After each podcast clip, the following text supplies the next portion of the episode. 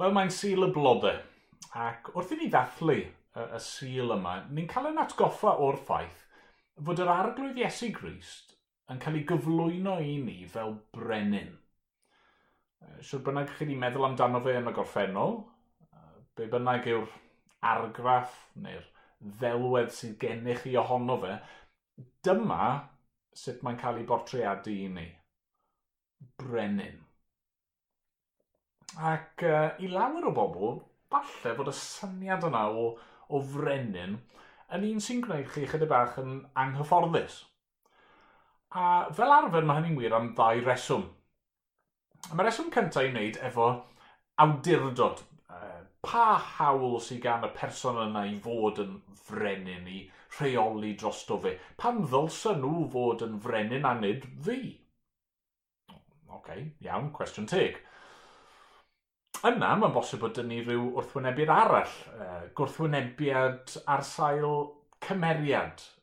Ni ddim yn hoffi'r syniad o frenin sydd uh, yn bell i ffwrdd, uh, mewn rhyw balas, moethus, crand, uh, rhywun cyfoethog sydd uh, just yn teirnasu a, a ddim yn, yn cydymdeimlo gyda'r bobl cyffredin o gwbl. Uh, Chi'n cofio'r stori enwog yna am y, y frenhines oedd yn clywed bod y, y bobl gyffredin yn, yn llwgu, yn starfo, ac uh, bod dim bara ganddyn nhw, ac felly dyma hi'n dweud, wel, gadewch chi nhw fwyta cacennau yn lle, let them eat cake.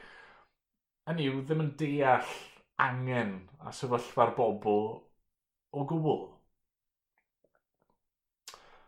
Be ni'n ni weld am y brenin Iesu te? Wel, y peth cyntaf ni'n mynd i weld yw fod ganddo fe awdurdod i deyrnasu. Mae ganddo fe hawl i deyrnasu. Ond yna, wnawn ni weld fod e ddim yn teirnasu mewn rhyw ffordd llym, cas, pell i ffwrdd. Na, fe yw y brenin gore gallwn ni fyth gofyn a gobeithio amdano fe. Ac yna fyddwn ni'n ystyried Uh, Swn i'n ymateb felly? Os mae fe yw ein brenin ni, pa fath o bobl ddylsyn ni fod? Oce, okay, nawn ni ddechrau te. Uh, trwy ystyried awdurdod y brenin. O le mae awdurdod y brenin Iesu yn dod? Pa hawl sy'n ganddo fe i dernasu?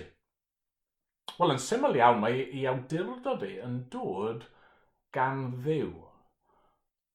Pwy yw Iesu? Wel, neb llai na diw ei hun. Di dod i'r byd i dernasu. Wrth i ni edrych ar Iesu, beth i ni'n ei weld yw creawd o'r bydysawd, yr un naeth y mynyddoedd a chreuodd y moroedd a gosod y ser yn ei lle, chi'n cofio gan, mae e di dod a di gwisgo cnawd, a di dod i'n plith ni er mwyn bod yn frenin ar ein bywydau ni. Ac um, doedd hynny ddim yn sioc, neu dylse fe ddim di bod yn sioc i bobl ddew, achos oedd dew wedi addo dro ar ôl tro ers canrifoedd, mae dyma oedd yn mynd i ddigwydd. A mae dyn ni rai esiamplau, a gweud y gwir, yn ein testyn i bore yma o rhai o'r addewidion yma neu'r proffwydoliaethau yma.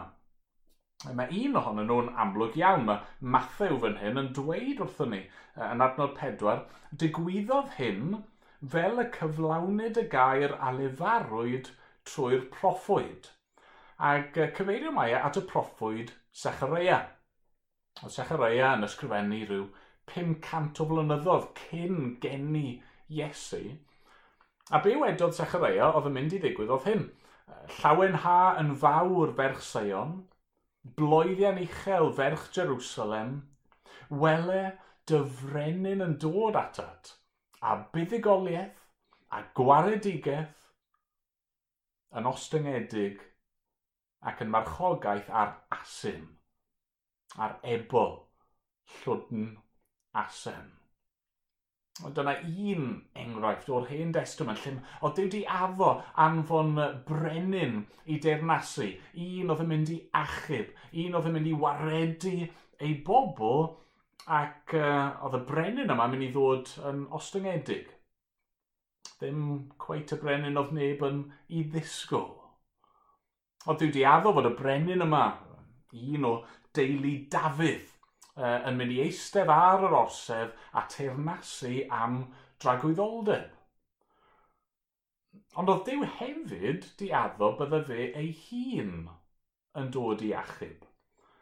Dyna pam yn ein hanes ni mae'r bobl yma'n gweiddi Hosanna. A mae'r gair Hosanna, uh, mae'n golygu achub arglwydd. Hynny yw criw e gwaith, gweddi, achub ni arglwydd. Ac uh, be mae'r bobl yn neud fan hyn yw maen nhw yn cyflawni proffwydoliaeth arall o'r Hen Testament. Os drewch chi os oes Beibl, uh, dych chi at Salm 118. Mae'n ddarlleniad chydig bach yn uh, hirach, ond mae'n werth uh, i darllen hi. Salm 118, adnod 15 ymlaen. Clywch gan gwaredigaeth, ymhebyll y rai cyfiawn. Mae deheulaw yr arglwydd yn gweithredu'n rymus. Mae deheulaw'r arglwydd wedi ei chodi. Mae deheulaw'r arglwydd yn gweithredu yn rymus. Nid marw, ond byw fyddaf, ac adroddaf am weithredoedd yr arglwydd. Disgyblodd yr arglwydd fi'n llym, ond ni roddodd fi yn nwylo marwolaeth agorwch byrth cyfiawnder i mi. Dofyna i mewn a diolch i'r arglwydd. Dyma borth yr arglwydd, y cyfiawn a ddaw i mewn drwyddo. Diolchaf i ti am fy ngwrando a dod yn waredigaeth i mi. Y maen a wrthododd yr adeiladwyr a ddaeth yn brif gongolfaen. Gwaith yr arglwydd yw hyn, ac mae'n rhyfeddod yn ein golwg. Dyma'r dydd y gweithredodd yr arglwydd. Gorfoleddwn a llawenhawn ynddo. Rydym yn erfyn arglwydd, achub ni, neu hosanna. Rydym yn erfyn arglwydd, rholwyddiant bendigedig yw'r un sy'n dod yn enw'r arglwydd. Bendithion chwi o dir arglwydd. Yr arglwydd sydd ddiw, rhoes oleini i mi. A changau, ymunwch yn yr orymdaeth, hyd at gyrn yr allor. Ti yw fy niw, a rhoddaf ddiolch i ti. Fy niw fydd yr chafaf di. Diolchwch i'r arglwydd oherwydd da yw, ac mae ei gariad hyd byth. Wrth i'r bobl fan hyn gweiddi hosanna a chwifio i canghennau, be maen nhw'n gwneud? Wel, maen nhw'n cydnabod bod Dyw yn gweithio. Yn wir bod Dyw wedi dod i'w hachub nhw. Pwy yw Iesu? Wel, Mae'n gwestiwn rhy hir i ateb mewn un pregeth, ond pwy yw e? Wel, fe yw'r brenin sydd ag awdurdod i reoli. A mae hynny'n gallu bod yn anodd. Anodd i ni glywed, anodd i'w dderbyn. Mae rhywbeth yn ni gyd sydd yn gwrthryfela yn erbyn y syniad yna. Ni eisiau rheoli dros ni'n hunain. Ni eisiau bod yn frenin. Ni eisiau gwisgo'r goron ac eistedd ar yr orsedd, gwneud be fi moyn, a dweud be fi moyn, a byw fel i fi moyn. Ond mae gan Iesu awdurdod pam? Wel, oherwydd pwy yw e? Fe yw y diw ddim. Fe yw'r un sydd wedi creu'r cwbl. Fe yw'r un sydd yn berchen dros y cwbl. Fe yw'r un sydd wedi rhoi bywyd a, a, a phopeth i ni. A felly mae ganddo fe hawl i deyrnasu. A mae gwrthod Iesu, gwrthod e, ei frenhiniaeth e, mae hynny yn beth difrifol. Mae'n ddifrifol achos well, mae'n mynd yn erbyn yr hyn ni wedi'n creu ar ei gyfer. Yr hyn ni wedi'n creu i adnabod Dyw trwy'r arglwydd Iesu Grist.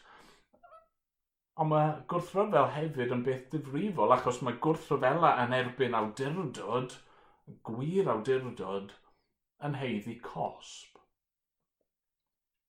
Nawr mae'r gair awdurdod yn amhoblogydd iawn yn ein oes ni.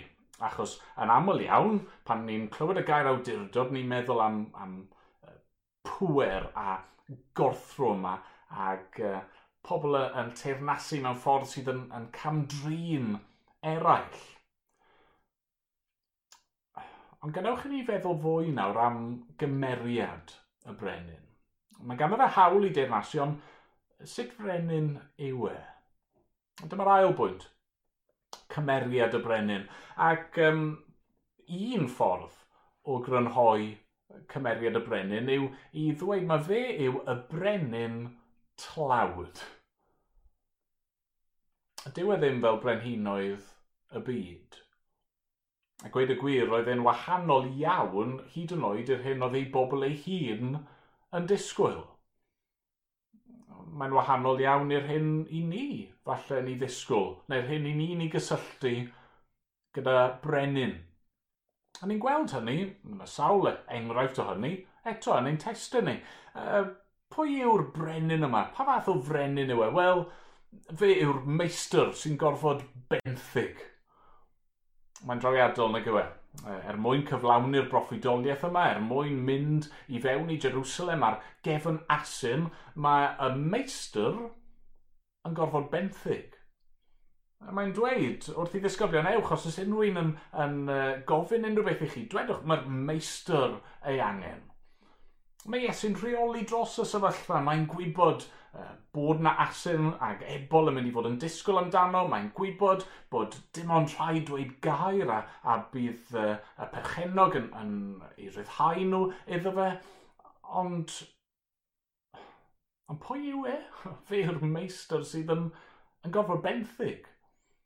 Mae e wedi ymostwng mor isel fel bod ddim hyd yn oed ganddo fe fan hyn ei asyn ei hun i fynd ar ei gefn.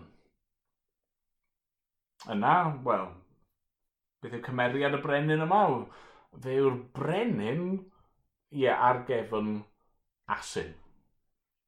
Ni falle'n gyfarwydd iawn, yn or gyfarwydd, a yr, uh, y darlun yma, ond meddyliwch am y peth.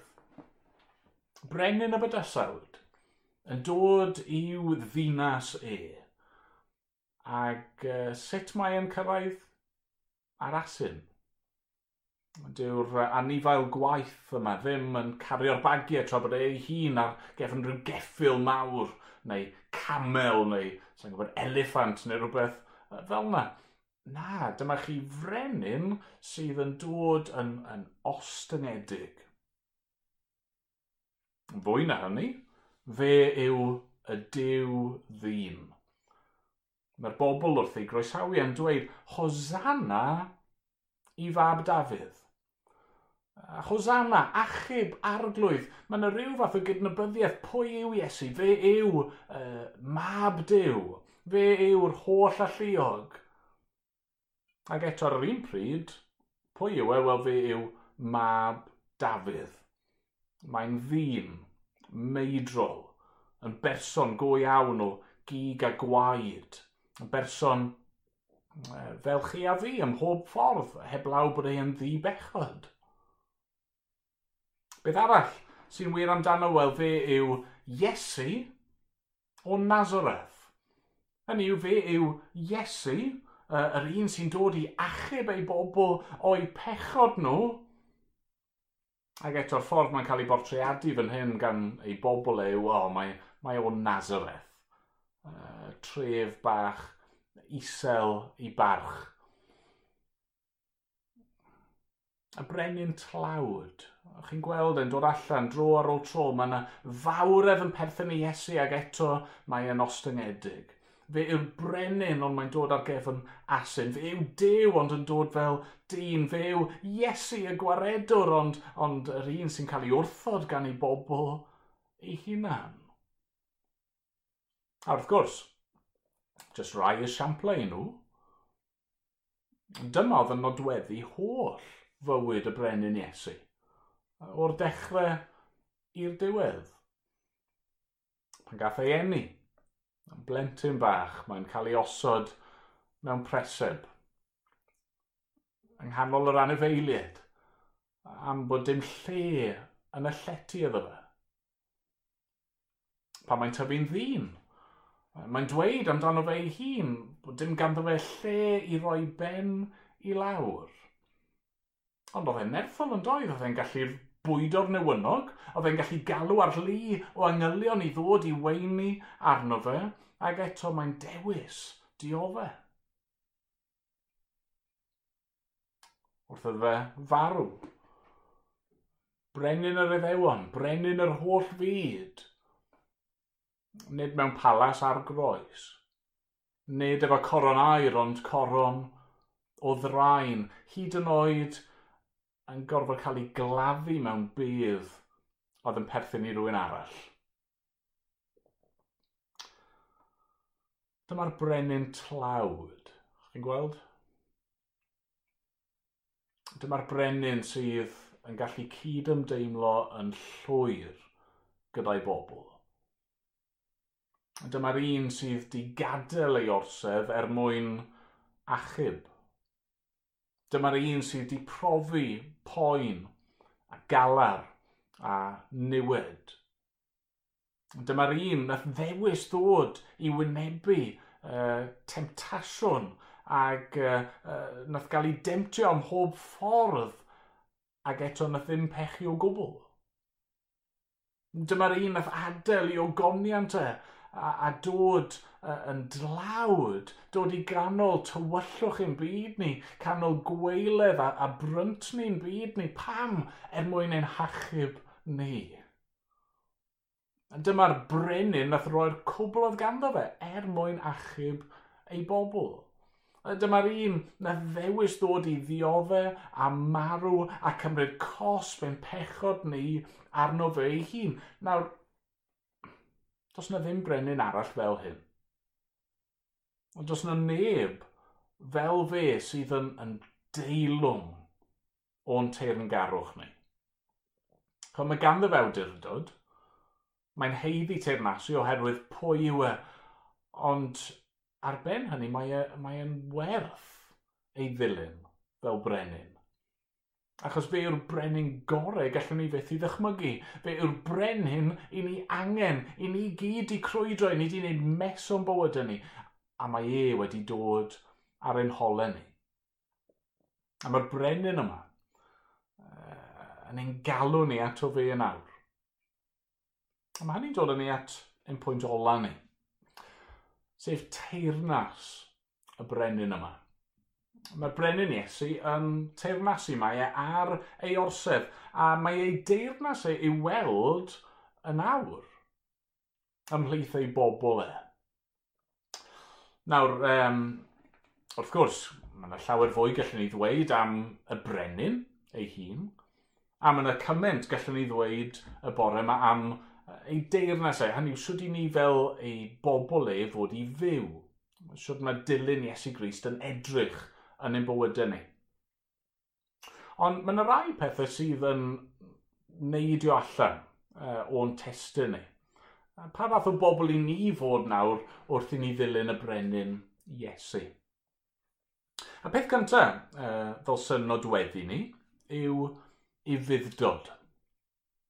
Os mae fe yw'r brenin sydd ag awdurdod, wel i ni fod i ifuddhau iddo fe. Fan hyn mae Iesu'n anfon uh, i ddisgyblion, mae'n rhoi tasg iddyn nhw, a maen nhw'n efyddhau. A maen nhw'n gwrando ar y meistr. Ac uh, i ni, bore yma, os i ni wedi derbyn awdurdod Iesu a di plygu ein gliniau o'i flaen e a di credu ynddo fe fel ein gwaredwr ni, wel, i ni eisiau efyddhau.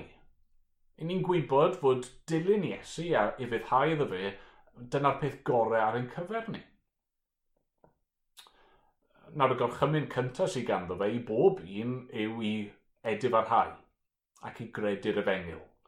A felly os nag chi wedi gwneud hynny eto, mae'r brenin Iesu yn, yn gorchymyn hynny gennych chi yn awr. Trowch ato fe, dewch ato fe. Ond i ni nawr sydd yn uh, i ddilyn e, mae e yn ein gorchymyn ni uh, i fynd uh, i garu Dyw, i garu ein cymydog caru ein gylynu hon. A mae'n gorchymyn i ni i, uh, i gael ein trawsnewid, uh, i fod yn fwy tebyg iddo fe a i fyw ein bywydau ni nawr, nid er mwyn ein hunan, ond er ei fwy'n e. I fuddod. Beth arall? Wel, um, uh, ein bywydau ni fod yn rhai o ffydd.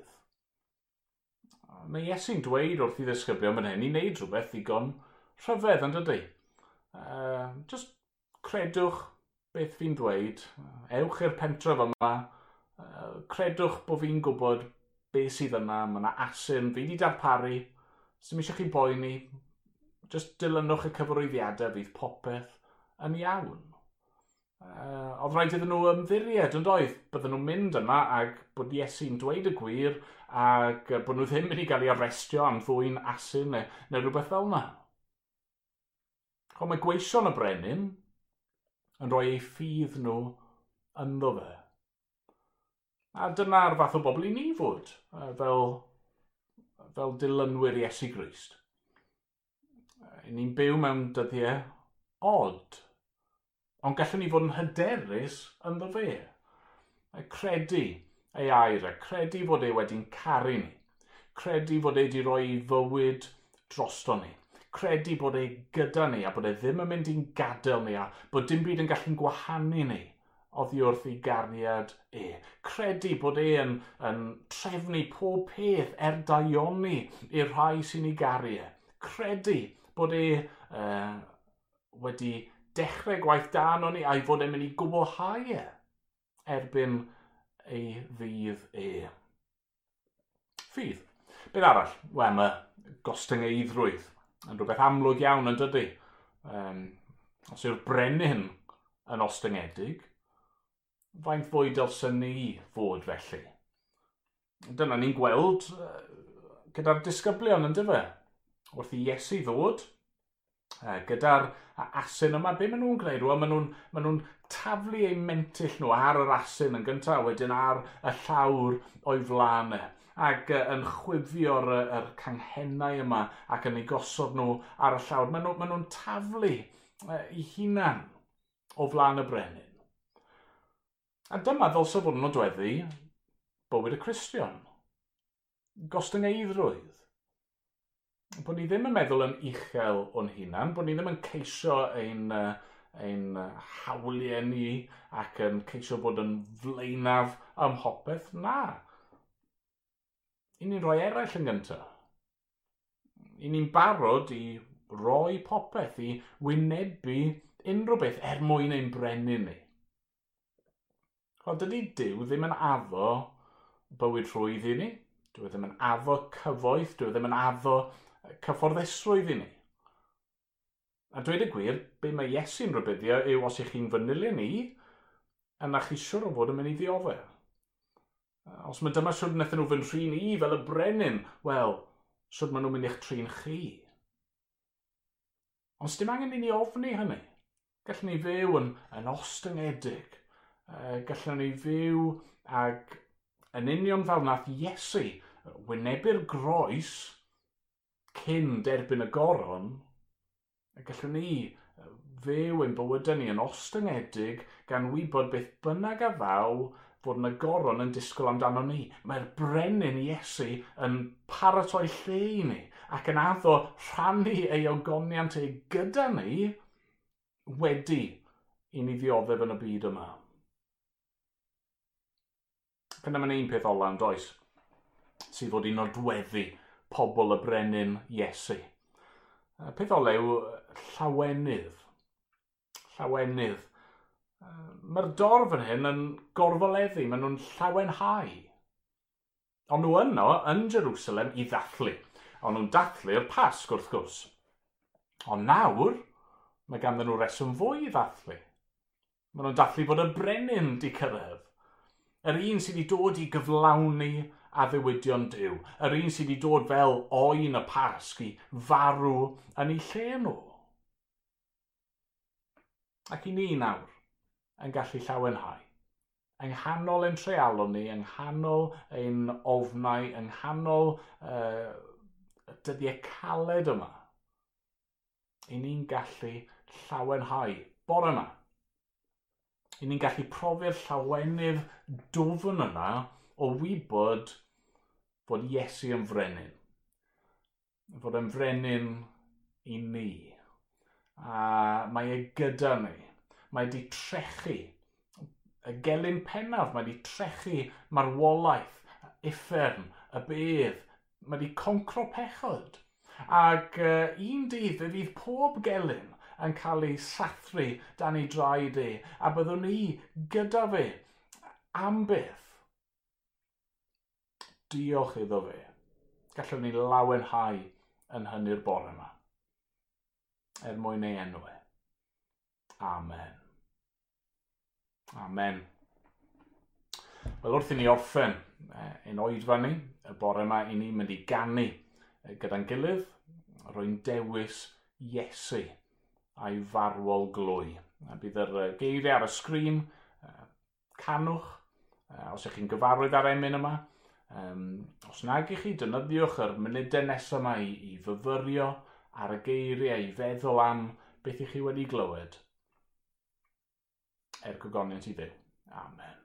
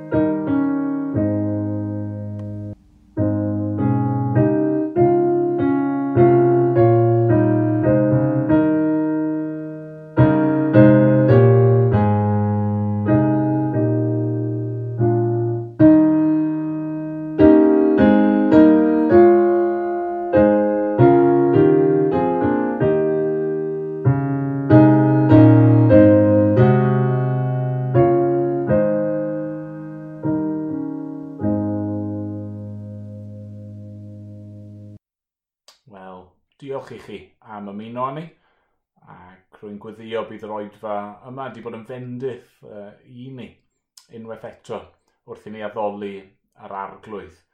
Um, Byddai fe'n hyfryd iawn i'ch uh, gael chi nôl dyn ni eto wrth i ni addoli ar Wener y Groglith ac yna ar Sil y Pasg.